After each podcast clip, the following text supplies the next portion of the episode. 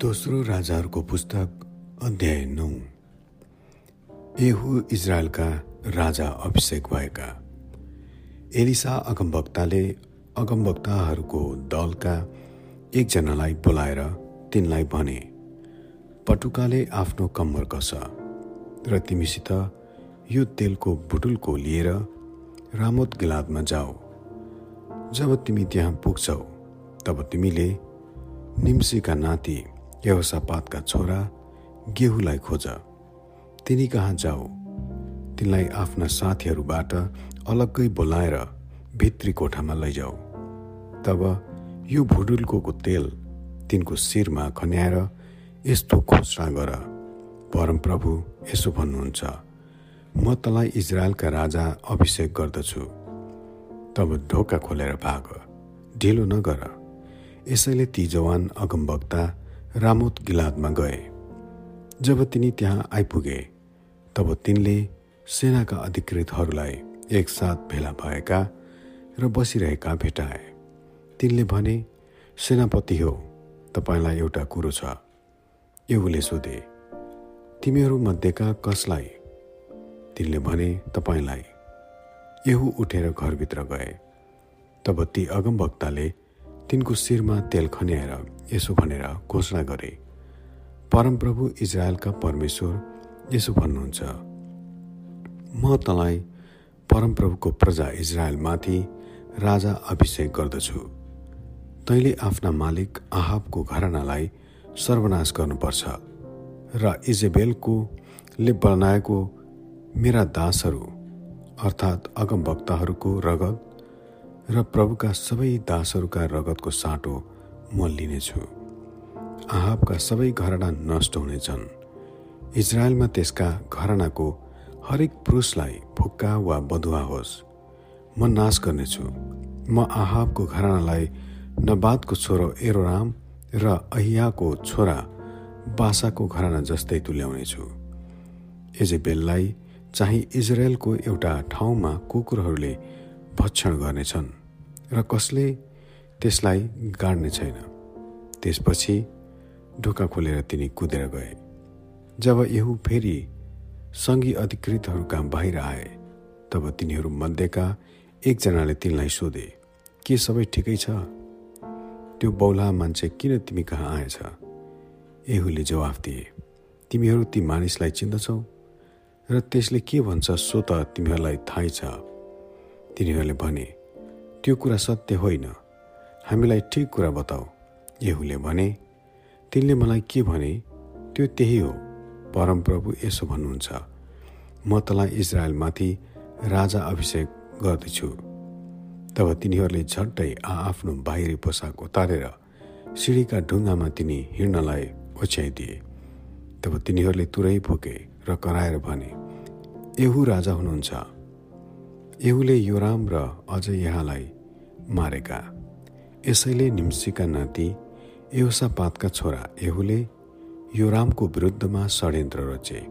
अब योराम र सबै इजरायलीहरूले अरामका राजा इजायलको विरुद्धमा रामोत किलातलाई रक्षा गरिरहेका थिए। तर राजा युराम चाहिँ अरामका राजा इजरायलको विरुद्धमा लडाईँ गर्दा अरामीहरूले तिनलाई लाएको चोटबाट निको हुनलाई इजरायलमा गएका थिए। यहुले भने यदि तिमीहरूको जस्तै इच्छा छ भने इजरायलमा सुयो समाचार लैजानलाई सहरबाट कोही पनि उम्कन नपाओस् है। तब तिनी आफ्नो रथमा चढेर इजरायलमा गए किनभने योराम त्यहाँ आराम लिइरहेका थिए र यौदाका राजा अहज्या तिनलाई हेर्न भनी त्यहीँ झरेका थिए। जब इजरायलको धरारामा उभिरहेको पहरादारले एउका फौजलाई आइरहेका देखे। तब उनले कराएर भने म केही फौजहरू आइरहेका देख्दैछु। यो रामले हुकुम दिए। एउटा घोडचडी तिनीहरूलाई भेट गर्न पठाएर सोध्न लगा के तपाईँहरू मित्रभावले आउनुभएको हो?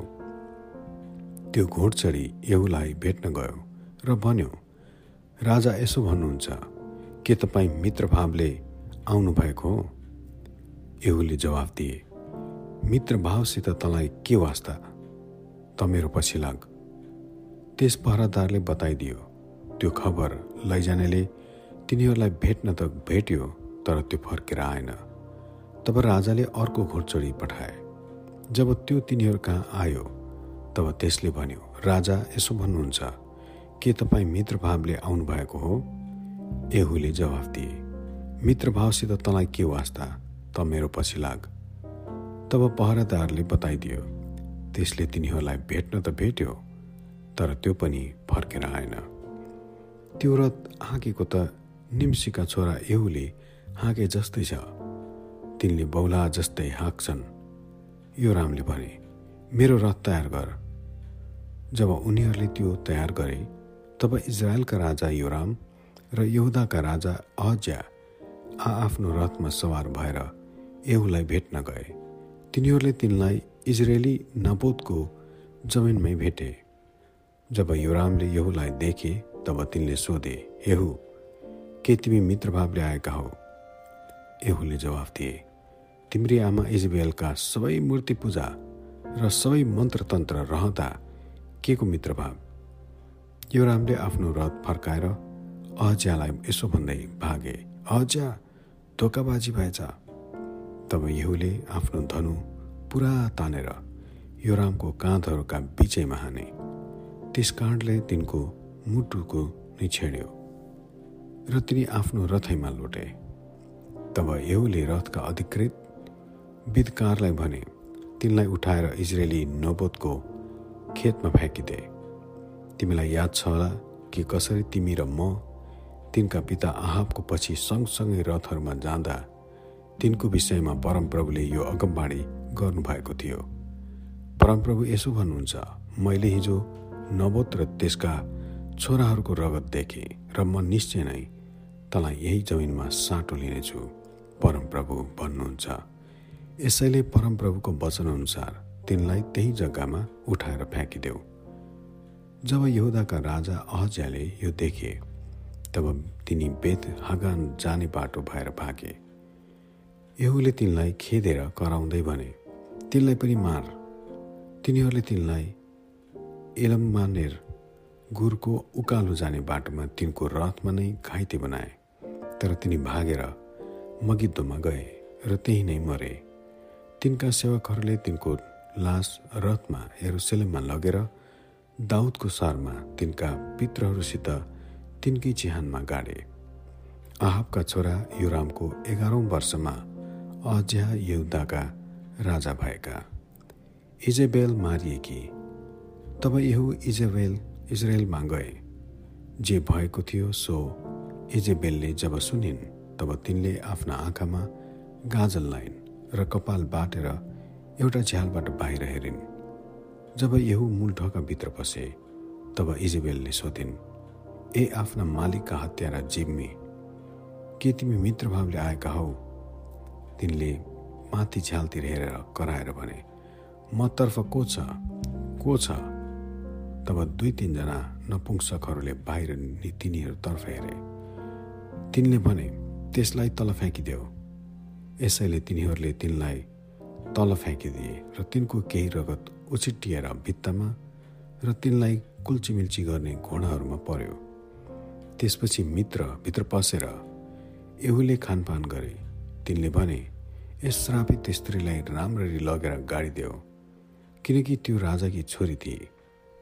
तर जब तिनीहरूले तिनलाई गाड्नलाई तल गए तब तिनका खप्पर खुट्टाहरू र हातहरू बाहेक केही पनि भेटाएनन् तिनीहरू फर्किआएर यहुलाई बताइदिए।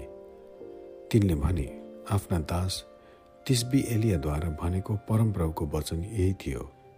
इजरायलको त्यस ठाउँमा इजेबेलको मासु कुकुरहरूले खानेछन्।